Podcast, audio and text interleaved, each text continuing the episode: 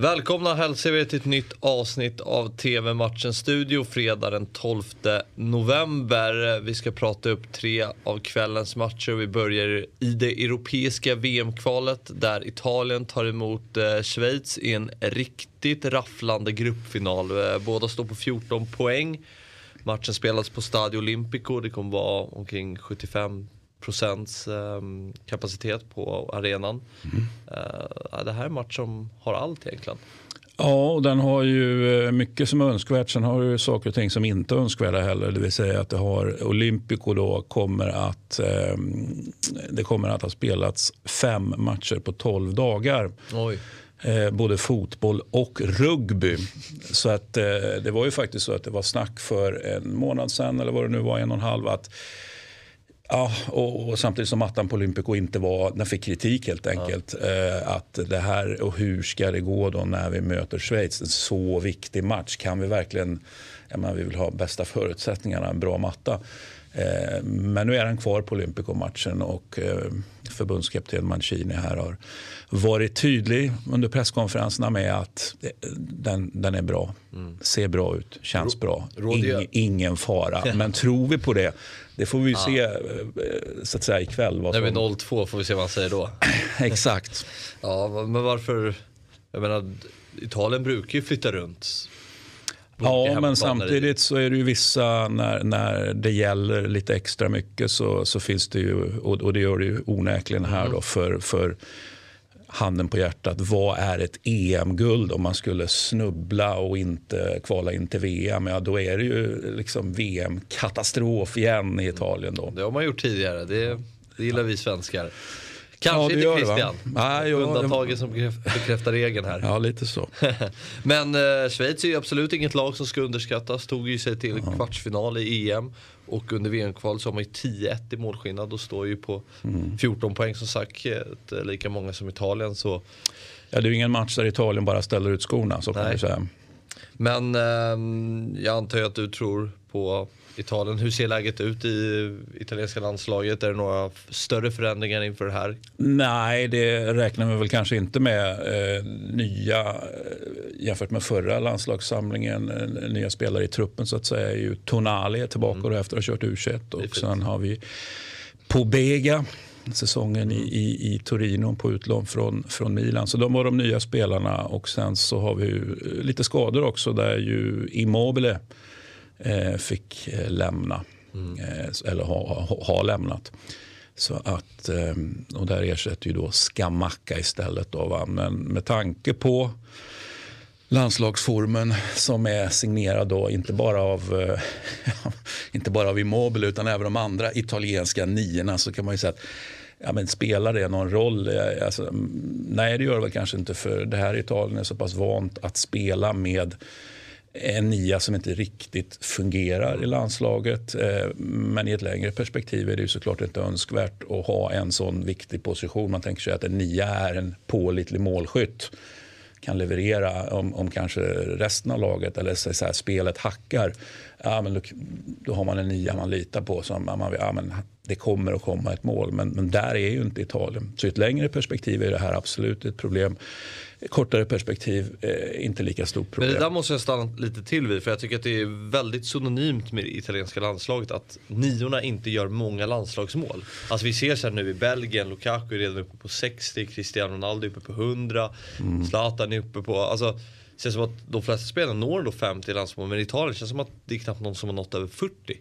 Eh, Bobo Vera hade väl ganska bra målsnitt i landslaget men mm. spelare som Totti Del Piero. får du tänka att Italien också i mångt och mycket genom eh, tiderna då har varit målsnål. Ja, så jag menar, de, är, de är genuint ointresserade mm. av att vinna med 2-0, 3-0, 4-0 utan mm. 1-0 har absolut räckt. Mm. Eh, och, ja, och det är klart, klart, att det spiller över då på total målskörd för, för de här ja, niorna. Men nu har de ju inte samma typ av nio längre utan det går ju någonstans att argumentera för att de, de riktigt bra niorna checkar ut någonstans där kring, kring 06, det vill säga Pippo, han var ju gammal redan då. Eh, strax efter Luca Toni och så vidare. Och det är bara att erkänna att det har inte sett eh, alls lika bra ut nu på dryga tio år. Eh, och den som eventuellt skulle ha gjort det då var ju Balotelli men han har ju Ja, eh, checkat ut Det är väl ett milt uttryck för vad han har gjort. Mm. Men du tror på uh hemmaseger här? Ja, det måste jag. Det måste jag, men eh, det blir hårt som fan. Mm. Ja, vi får se. Det är um, alltid kul att se Italien spela fotboll. Så det här är en match man verkligen ska titta på. Eh, den drar igång 20.45 och ni ser den på Simor Fotboll. Uh, nu till det sydamerikanska VM-kvalet och uh, mötet. Som vi ju gillar så mycket. Ja, men precis. Och det är ju en, in, nästan en back-to-back för att vi pratar ju upp Argentina-Uruguay för mm. förra landslagsuppehållet och nu är det Uruguay-Argentina. Mm. Den förra matchen slutade 3-0. Det var en match jag såg och jag var extremt besviken på mm. Uruguays spel i den matchen. och man ligger ju ganska pyrt. Man ligger på femte plats och har ja, det är väldigt tajt där. Ecuador på tredje plats har 17 poäng och Colombia på fjärde plats har 16 mm. poäng. Så det är ju...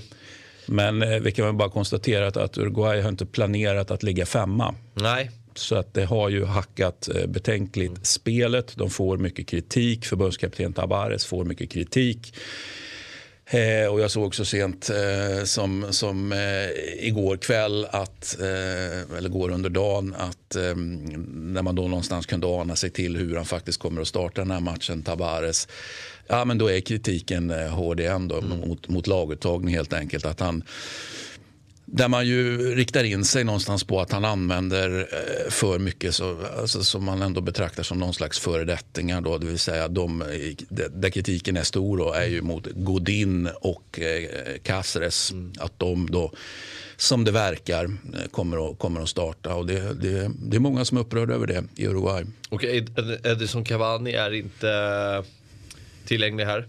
Uh, vilket är ju såklart ett, ett tapp. Och, uh, ja, men det är ju lite, det är som, efter man förlorade mot Argentina så föll man även mot Brasilien med 4-1. Så det har ju läckt ganska mycket också. Alltså man har ju släppt mm. in mycket mål de här förlustmatcherna. Och mm. det är ju inte riktigt det Uruguay jag känner igen. Att man klappar ihop mot men, större nationer.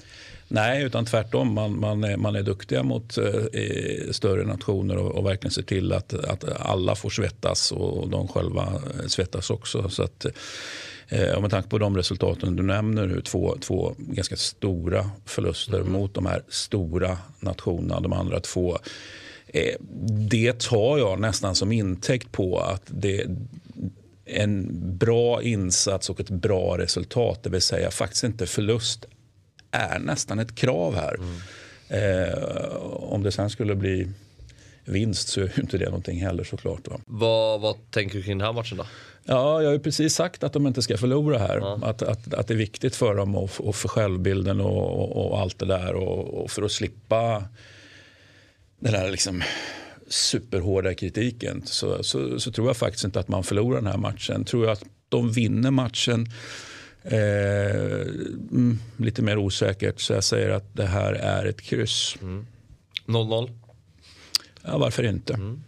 Det är då matchen startar 00.00 eller 24.00 och ni ser den på Viasat Premium. Eh, nu till det centralamerikanska kvalet och en eh, tidig gruppfinal mellan USA och Mexiko. Det är ju ett eh, Mexiko med Tata Martino vid rodret. Eh, jag ska villigt erkänna att jag inte visste det faktiskt. Men det var ändå några år sedan mm. han mm. tillträdde där. Jag tror han var i Atlanta innan, innan mm. dess. Mm. Han är berest numera. Ja, nej, men det är han ju. Och eh, Mexiko så ligger i förarsätet med 14 poäng. 3 poäng före tvåan USA. Sen har vi Kanada bakom som står på 10. Eh, uppfriskande fotbollsnationen Kanada.